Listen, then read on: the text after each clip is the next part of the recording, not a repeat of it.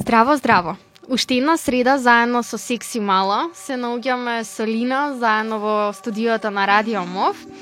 А, прилично сме расположени за да збориме за една од најинтересните теми која што ја работиме во Хера и општо што си ја дискутираме вака на кафе Муабети, а тоа е задоволството. Многу повеќе во оваа емисија ќе се задржиме за сексуалното задоволство и за некои митови и предрасуди кои што постојат и кои што влијаат врз самата врз самото либидо, врз задоволството и врз самите а, односи и комуникација на партнерите кога станува збор за сите овие работи во врската. А, предлагам само на кратко да продолжиме со еден краток джингл и веднаш пута се враќаме со оваа интересна тема, а имаме да ви кажеме доста многу работи со Лена. Spinderella cut it up one time. Слушате Секси Мало. Радио емисија која ги собликува табуата до гола кожа.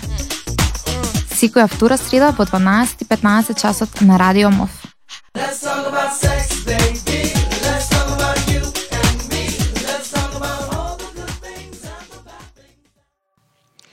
Лина, ајде на почетокот на емисијата ни те прашав како си? Како си расположена за нашата денесна денешна дружба? Па прилично, секогаш кога ќе дојдеш во оваа просторија на МОВ, те подсетува дека можеш да зборуваш многу на теми кај за што не се зборува ни малку и се чувствуваш прекрасно што можеш да она што ти го имаш како знаење да го пренесеш, а и она што луѓето го сметаат како дека не постои, ева конкретно нашата тема денеска задоволство и задоволството кај жените конкретно, е на нели од темите што помалку се зборува и може да се чувствува само одлично што имаш место и простор каде што можеш тоа да го искажеш. Ајде имаш 3 секунди да размислиш за некој мит што го имаш слушното помеѓу другари или во училиште за задоволството, сексуалната желба и така натаму. Ти текнува некој во моментов? А, па во моментов, прво она што кога ќе се спомена дека кај жените не постои задоволство, а кај мажите тоа е поизрадено и тие секогаш треба да има да ги имаат задоволство, а жените не смеат да зборуваат за тоа, тоа е на првото. И веројатно посам ќе имаме и време да ги продискутираме овие работи, така да следата ни понатака. Точно. А, доколку продолжите да ме слушате во текот на целата оваа емисија, во еден од наредните блокови имаме издвоено токму вакви искази од млади луѓе и прилично некои двоумења во однос на задоволството, во однос на сексот, изборот, а, самите ставови кои што ги имаат партнерите а, за оваа тема и така натаму и така натаму и како што кажа Лина, зборувањето за сексуалната желба и возбуда во многу култури, особено и во нашата, најчесто предизвикува непријатност и срам бидејќи за нив се врзани различни митови. Дури се случува од средината да произлегуваат многу неточни информации и пораки, па под нивно влијание луѓето да бидат под силен притисок и да градат невозможни очекувања од себе или од другите во однос на нив или да ги потиснуваат или не ги реагираат.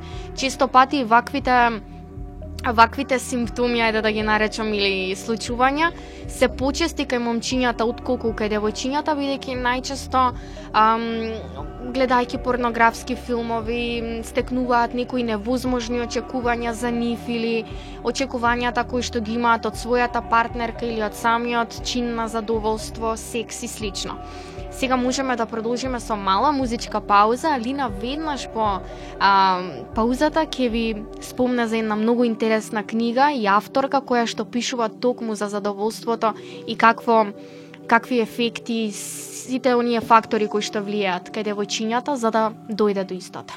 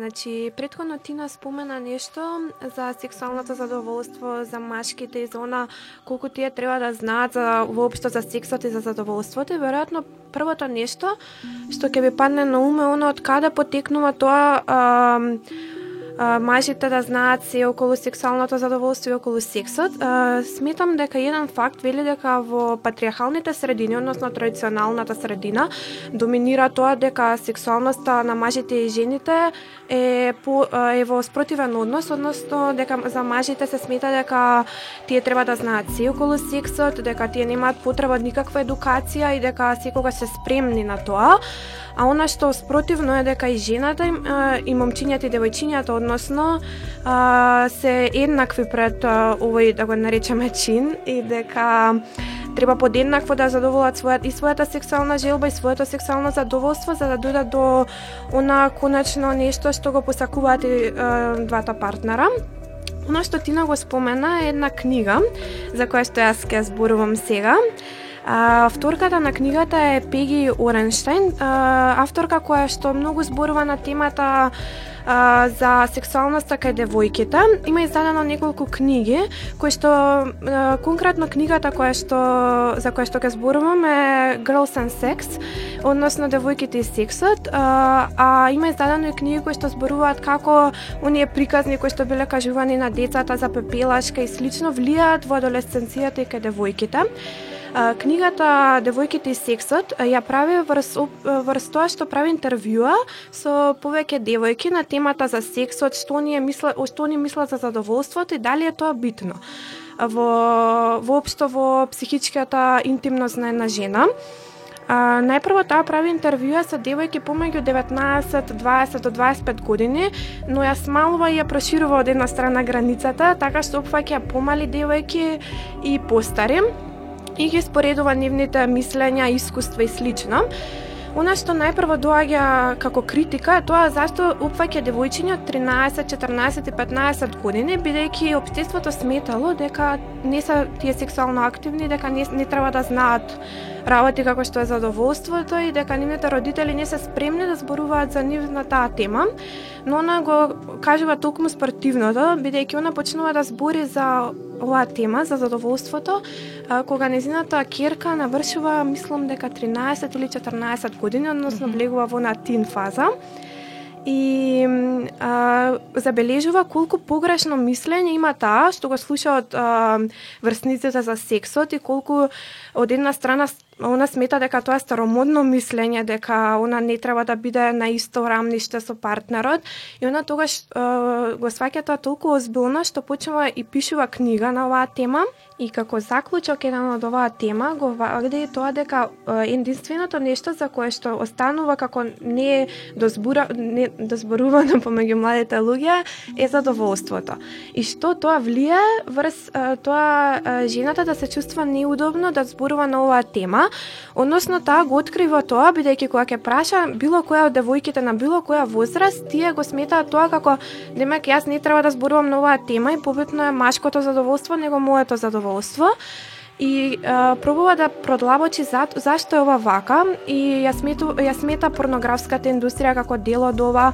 Боди имиджот на младите девојки е доста битен во темата и познатите личности нивното влијание, односно нивните позитивни и негативни страни кои што ги вади еден млад човек од нивните представувања преку медиумите и многу други теми, значи кои што може да влијаат врз а, задоволството и она девојките да се почувствуваат а, спремни да зборуваат за него.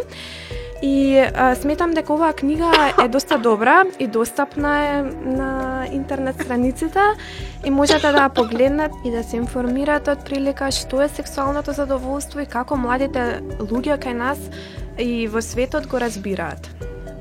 Многу автори пишуваат а, за задоволството, воопшто за сексуалната желба и еден од најпознатите автори во областа на психологијата, тоа е австрискиот лекар Зигмунд Фройд, ја нарекува сексуалната желба либидо.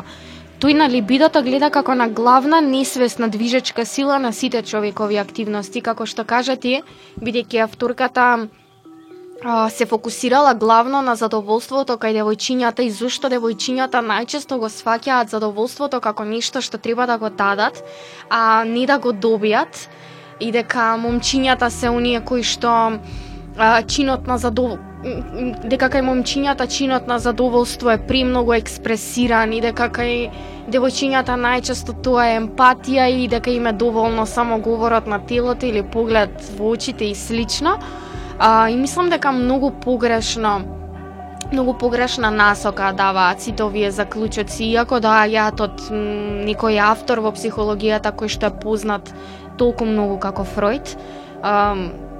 Што имаш да кажеш како заклучок од се во А, ова? Па би кажала дека еве на пример она што ете и ова авторка што зборува за незе Пеги Оренштейн зборува е тоа дека колку младите девојки не можат а, да се дозволат на себе си да излезат и да зборуваат онака како што машките на пример и во уште во средношколските денови зборуваат за задоволството, а тие се оние кои што се потиснати и кои што не зборуваат толку за ова и она сака тоа да го искорени од една страна со оваа книга, каде што отворено зборува и кажува и ја спомнува и незината керка како таа зборува и како и може и родителите да влијаат на ова, е, односно и родител, родителите со нивното искуство можеби или пак со некои книги додатни да го потполнат она празно место што е во нашето општество кое што го задава ова да речеме патриархалната доминација од што била во минатото. И она е, особено издвојува еден дел каде што ги прашува девојките за родителите, дали некога зборуваат за, со родителите, затоа што а, ние сме доста присутни во семејството и зборуваме за многу теми, а кога ќе дојде до оваа тема, поготово татковците се оние кои што поче, помалку зборуваат за ова, отколку со мајките, што треба, мислам дека треба да се смени за девојките да разберат дека и а, машка, машка, машкиот дел од нивната фамилија отворено зборува за задоволството и дека женскиот може да зборува исто така отворено за истото. Ќе се надоврзам само на ова што го кажа пред самиот крај на твоето мислење дека многу е важна комуникацијата со родителите, па без разлика дали станува збор за девојче кој што прави муабет со незината мајка затоа што чувствува неа поблиска од таткото и или брати и слично. И мислам дека родителите е многу погрешно, погрешен избор прават кога станува збор за комуникација на вакви теми. Еве ќе спомнам и за контрацепција. Многу родители мислат дека доколку на нивните деца им кажат дека кондомите нема да ги заштитат од бременост или од сексуално преносливи инфекции, дека на тој начин ќе ги заплашат за да немаат секс во рани години и така натаму и така натаму, многу по, повеќе грешат грешат отколку кога би им објасниле на нивните деца, тинејџери адолесенти, без разлика на која возраст и да се наоѓаат, дека е многу важно а, и без да знаат тие да стапат во сексуални односи, многу е битно да знаат да се заштитат и дека секогаш треба да се одговорни за својата здравје. А, а вие, драги слушатели, знаете дека Иако постојат многу разлики меѓу луѓето за тоа што им причинува сексуално задоволство, кое не мора да се поврзува само со гениталниот сексуален однос, дека нема само еден правилен начин за негово доживување, но е важно партнерите да комуницираат на таа тема за полесно сексуално да се запознаат меѓу себе и да знаат да си дадат адекватно сексуално задоволство. Тука од особена важност е да нема повредување, при тоа да биде Um, при тоа да а, биде израз на меѓусебен договор сета таа комуникација и односи. Секоја сексуална желба не мора да заврши со доживување на сексуално задоволство, но секој треба да се труди сексуалното задоволство да биде и за него, подеднакво и за неговиот партнер. Не мора секој сексуален однос да е проследен со оргазам, ниту пак мора да има сексуален однос за да се доживее оргазам. Продолжуваме со музика и се враќаме веднаш со некои искази кои што потекнуваат од наши слушатели и пред се млади луѓе, за да ги додефинираме сите овие митови кои што ги спомнавме во делот нашите излегувања.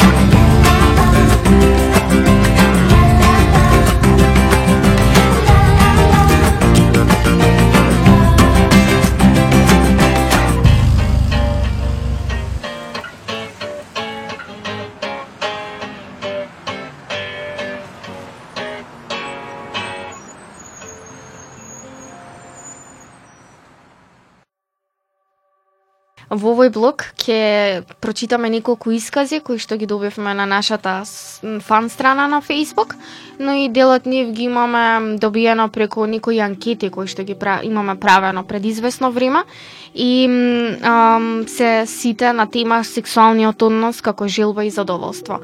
Јас ќе ги прочитам исказите, Алина е тука за да ме надополни со точни одговори и релевантни информации за да знаеме што од се во ова е вистина, а што не. Ајде да започнеме со една родова разлика, а, што се надоврзува на задоволството, тоа е дека поголем дел од жените не сакаат да имаат сексуален однос. Ово исказ е еден и од најчестите кои што го споменуваат младите луѓе и кој што е потполно неточен, односно одговорот би бил поголем дел од жените сакаат да имаат сексуален однос, но доколку не добиваат задоволство од него, тогаш може да го загубат интересот за него, како што можат и момчињата да го загубат интересот.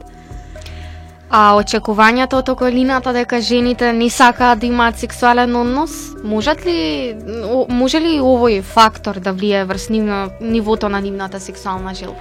Ова, овој ово исказ е еден од точните искази. Очекувањата на околината влијаат врз желбата да се има сексуален однос, па ако жената смета дека не треба да сака да има сексуален однос, тогаш таа може да ја потиснува или да ја негира својата желба, што е доста застапено и во оние патриархалните средини што ги споменав на почетокот.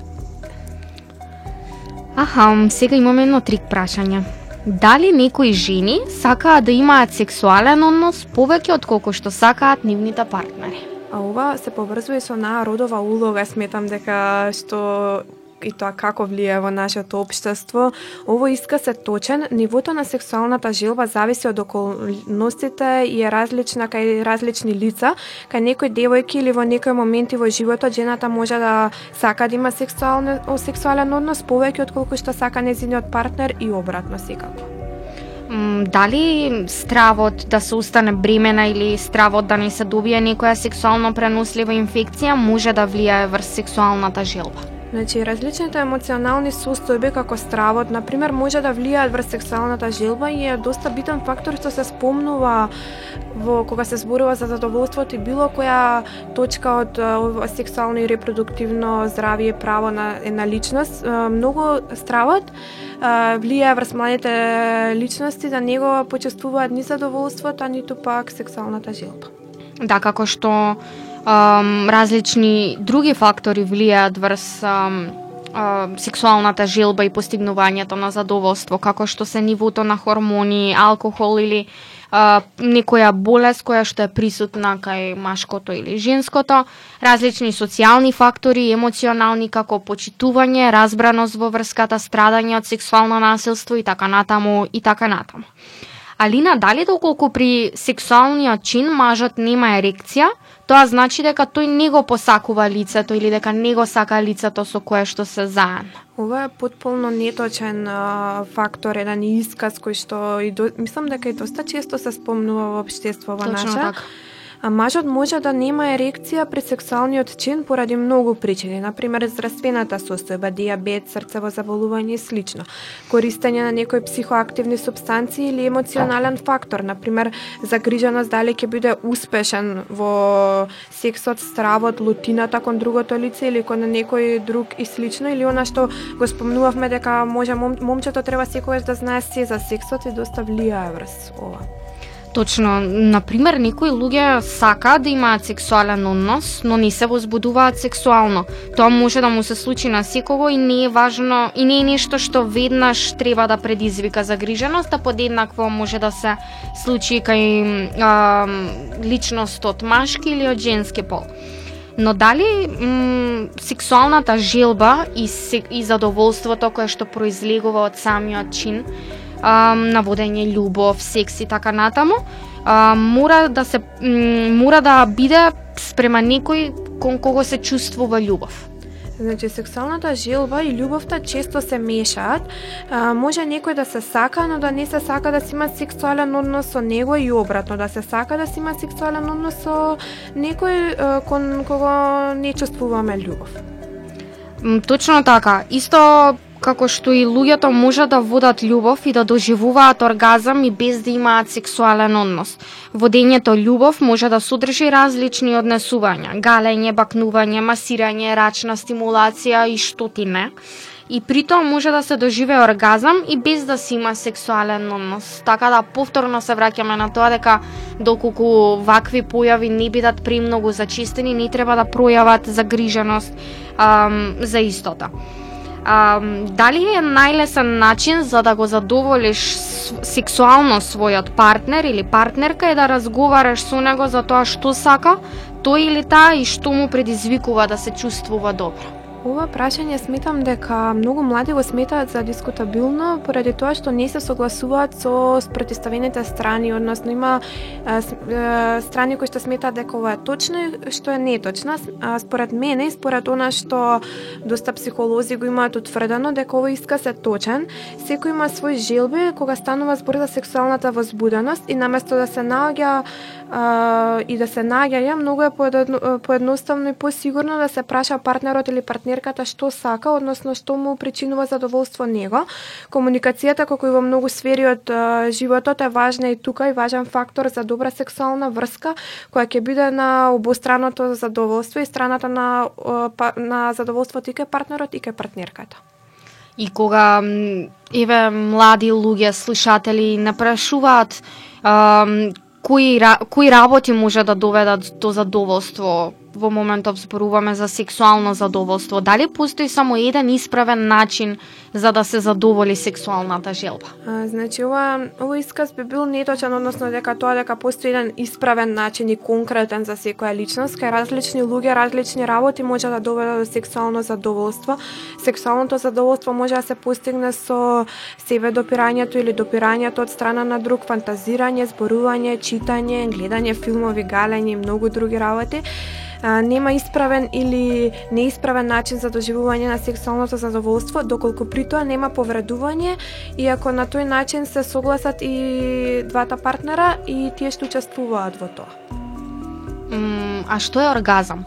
Како би можела да им го објасниме тоа наедноставно на um, значи, оргазмот, како подедноставна дефиниција, се смета дека е врвот на сексуалното задоволство и тоа е точен исказ. При оргазам доаѓа до чувство на среќа, неволна контракција на мускулите, секреција на течност, односно ејакулат со сперматозоиди кај мажот и навлажнување на гениталиите кај жената.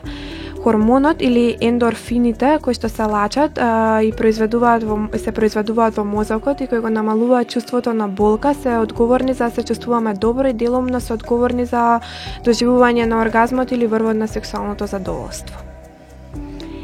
И бидејќи стигнавме веќе до самиот крај, сигурно се прашувате зошто сето ова што го зборевме е важно, зошто е важно да се имаат точни информации за овие работи, како може да влијаат неточните информации врз чувството за себе и врз собствената сексуалност.